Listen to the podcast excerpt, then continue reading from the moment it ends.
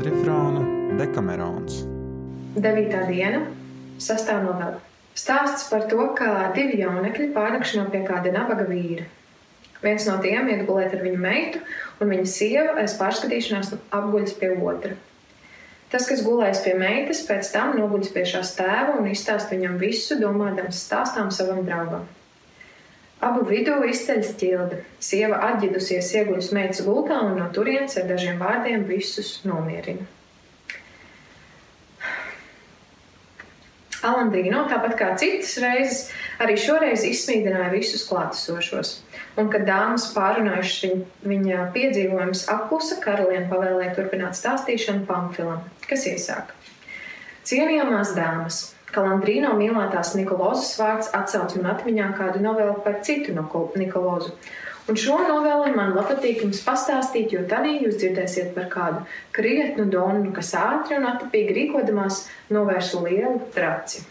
Munjonenes ielā vēl nesen dzīvoja kāds lāga cilvēks, kas ceļu vīriem par maksu deva ēst un dzert. Un kauču viņš bija nabaks, un viņa māja bija maza. Dažkārt, ja vajadzība bija liela, viņš neliedz arī nakts mājas. Ne jau kuram katram, taču vienam otram pazīstamam.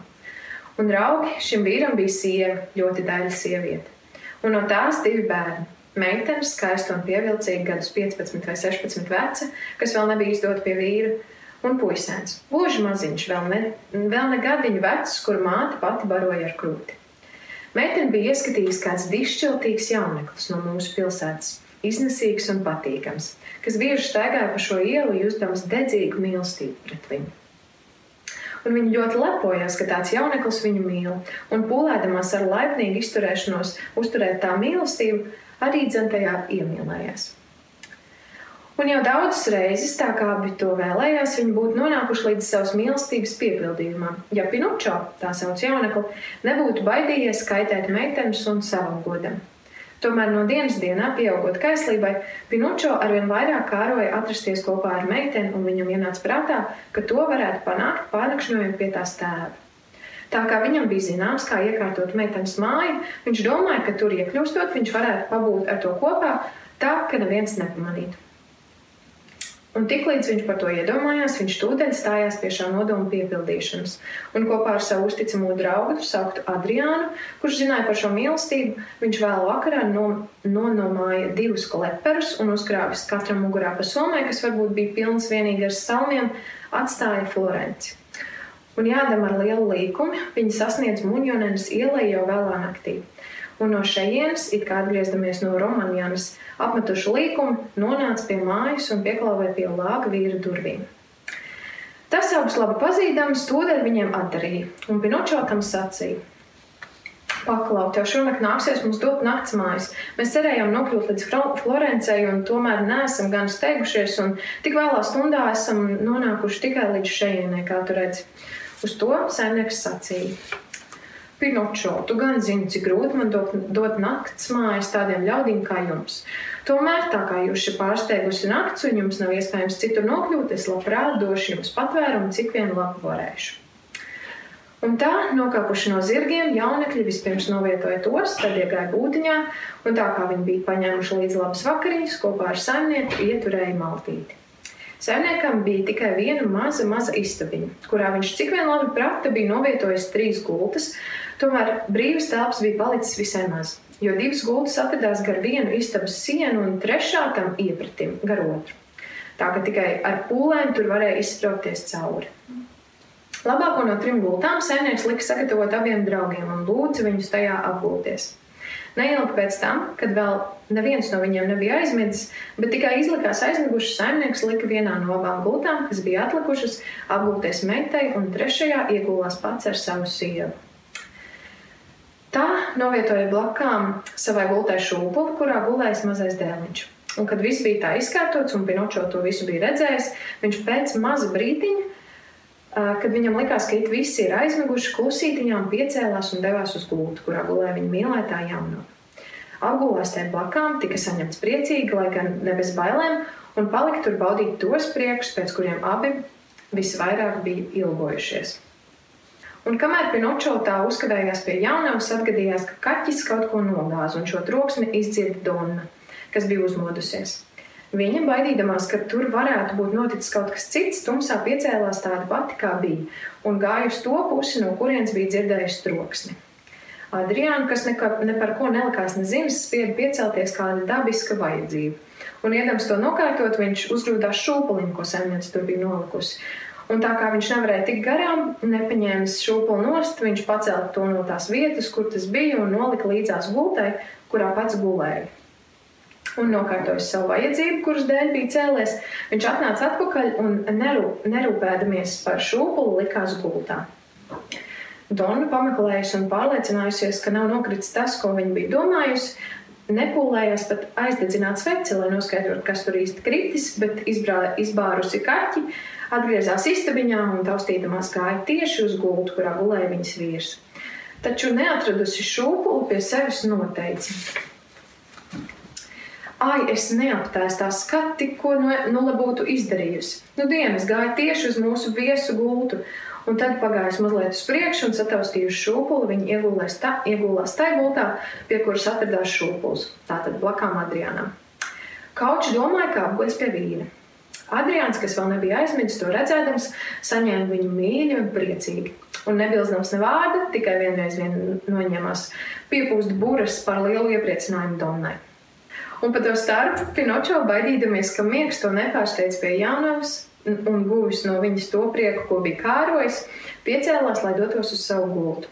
Bet ceļā uzdūries šūpulim, nodomāja, ka pienācis pie saimnieku gultas, un tāpēc pagāja vēl mazliet, vēl mazliet uz priekšu un patiesi apgulās pie saimnieka, kas pamodās līdz ko Pinočo atnāca.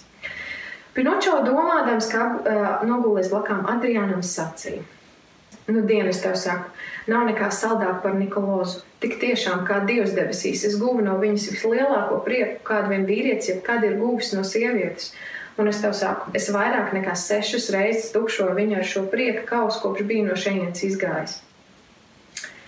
Kad saimnieks izdzirda tādus jaunumus, kas viņam nepavisam nepatika, viņš vispirms pie sevis noteica, pie vēlna, ko tas te meklē. Un tad drīzāk dusmu pārņemts nekā ar apdomu sacīja Pinočo, tu man esi smagi apvainojis, un es nesaprotu, kāpēc tev tas bija jādara. Bet patiesi, kā Dievs debesīs, es tev par to apmaksāšu. Pinočo, kas nebija no pašiem atjautīgākajiem jaunekļiem pasaulē, pamanījis misekli, nopolējās kļūdu, cik spēdams labot, bet sacīja: Ar ko tu man atmaksāsi, ko tu man vari padarīt? Saimnieks sieva, domādam, ka atrodas pie vīra, sacīja Adriānam: Paklau, kā mūsu viesis ķīvēs, diezin par ko? Adrians smiedamies atteica, un lai jau ķīvējas, kaut viņa jupis rāvs, viņu vakar vakarā par daudz iedzēruši. Sieva, kam jau iepriekš bija licies, ka dzirdējusi vīru ķildojamies, tagad padzirdusi Adriānu balsi, tūdeļ saprata, ka, kur viņa atradusies un ar ko. Tāpēc, būdama visai attapīga, viņa nevārda neteikusi, žigla piecēlās, paņēma savu bērnu šūpuli, un tā kā istabā neiespiedās ne mazākais gaismas stariņš, uz labi laimi nolika šūpuli līdzās gultē, kur gulēja meita un pati nogulēs šeit blakus. Un tad itin kā kāds troksnis, ko sacēla vīrs, būtu viņai tikai no lē uzmodinājis, viņa iejautājās kalates strīdoties ar Pinočo. Vīrs atbildēja, vai tu, tu nedzirdi, ko viņš sakās šonakt darīs ar Nikolozu? Dona sacīja. Viņš pavisam nekaunīgi melo, jo pie Nikolozes viņš nav gulējis. Es te apgulos blakām un visu laiku neesmu varējis aizmigt, un tu esi muļķis, ja viņam tici. Jūs vakarā tik daudz sadzeraties, ka naktī murgojat un klimstat apkārt, neko nesajēgdam, un jums šķiet, ka esat pastrādājuši nez kādus brīnumus. Žēl, žēl gan, ka jūs tā nelaužat sev kaklu. Bet ko tad Pinočo tur dara? Kāpēc viņš nav savā gultā? Adrians redzēdams, cik gudri Dona apslēpj savu un meitas negodu, savukārt sacīja. Pinočo, es jau tev simtiem reižu esmu teicis, lai tu neblandies apkārt. Vai es neteicu, ka šis tavs netikums miegā piecelties un stāstīt itin kā patiesību visus visādus niekus, ko tu esi sasapņojies, tev kādreiz atnesīs nelaimi? Nāc atpakaļ, kad tevi nelabais. Saimnieks dzirdēdams gan to, ko sacīja sieva, gan ko runāja Adrians, patiesi noticēja, ka Pinočo sapņojas. Tāpēc, saņēmis Pinočo aiz pleca, tas sāka viņu purināt un saukt: Pinočo, mosties jau un ej uz savu gultu! Noklausījos visu, kas te teikts, Pinočo izlikdamies it kā sapņot, sāka vēl juceklīgāk mūdēt, par ko saimnieks izsmējās no visas sirds. Beidzot, jūtams, ka viņa purina, Pinočo izlikās pamostamies. Sauca vārdā Adriānu un sacīja: Vai tad ir jau rīts, ka tu mani modini? Adrians atteica, jā, jā, nāc tik šurp. Pinočo izlikdamies un izrādīdamies gluži samiegojies, beidzot piecēlās un atgriezās pultā pie Adriana. Un, kad atavs rīts un viss piecēlās, saimnieks ņemās smieties un zoboties par Pinočo un viņa sapņiem. Un tā jokodami, gan par šo, gan par to jaunekļi apsagloja savus kleperus, uzkrautiem somus un sadzēruši ar saimnieku, uzkāpa zirgos un nonāca Florencē. Priecīgi ir par to, kā viss bija risinājies, ir par laimīgajām beigām. Un pēc tam atradas citus ceļus. Pinočo bieži sastapās ar Nikolozu, kas apgalvoja mātei, ka Pinočo katrā ziņā esot sapņojis. Tāpēc gudrā sieva, atcerēdamās Adriana apskāvienus, pie sevis nodomāja, ka viņa vienīgā ir bijusi nolodā. Paldies!